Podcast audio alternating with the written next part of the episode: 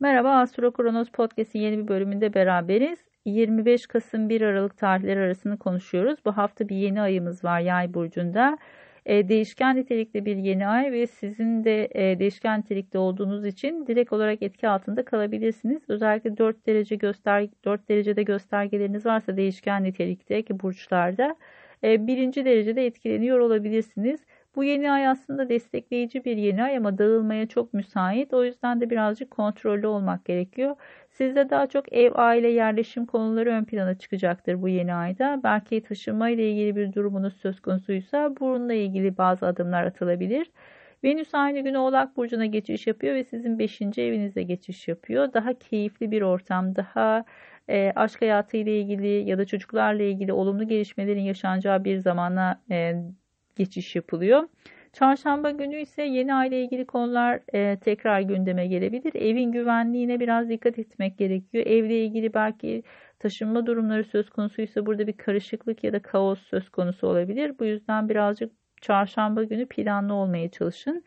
Perşembe günü e, Merkür'ün Neptün uyumlu bir açısı olacak. Özellikle e, iş ortaklıkları ile ilgili bazı anlaşmalar söz konusuysa bunlar gündeme gelebilir.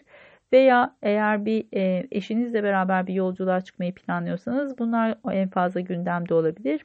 E, Venüs'ün Uranüs'le uyumlu açısı daha çok keyifli bir yolculuğa, tatile çıkmak anlamında kullanılabilir. Bu uluslararası bir seyahat söz konusu olabilir sizler açısından.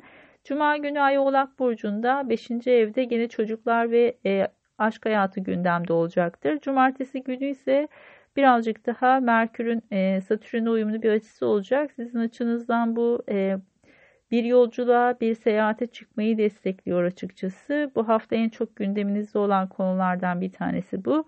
Pazar günü ise e, ayın Uranüs'le bir kare açısı olacak.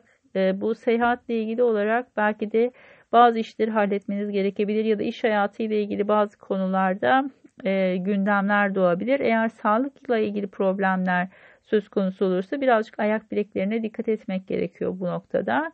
E, bunlarla ilgili hassasiyetler gündeme gelebilir. Genel itibariyle destekleyici bir yeni ay gözüküyor ama biraz koşturmacalı ve e, fiziksel anlamda yorucu bir e, hafta olabilir. O yüzden de biraz dikkatli olmanız gerekiyor bu konuda. Dağılmamaya özen gösterin.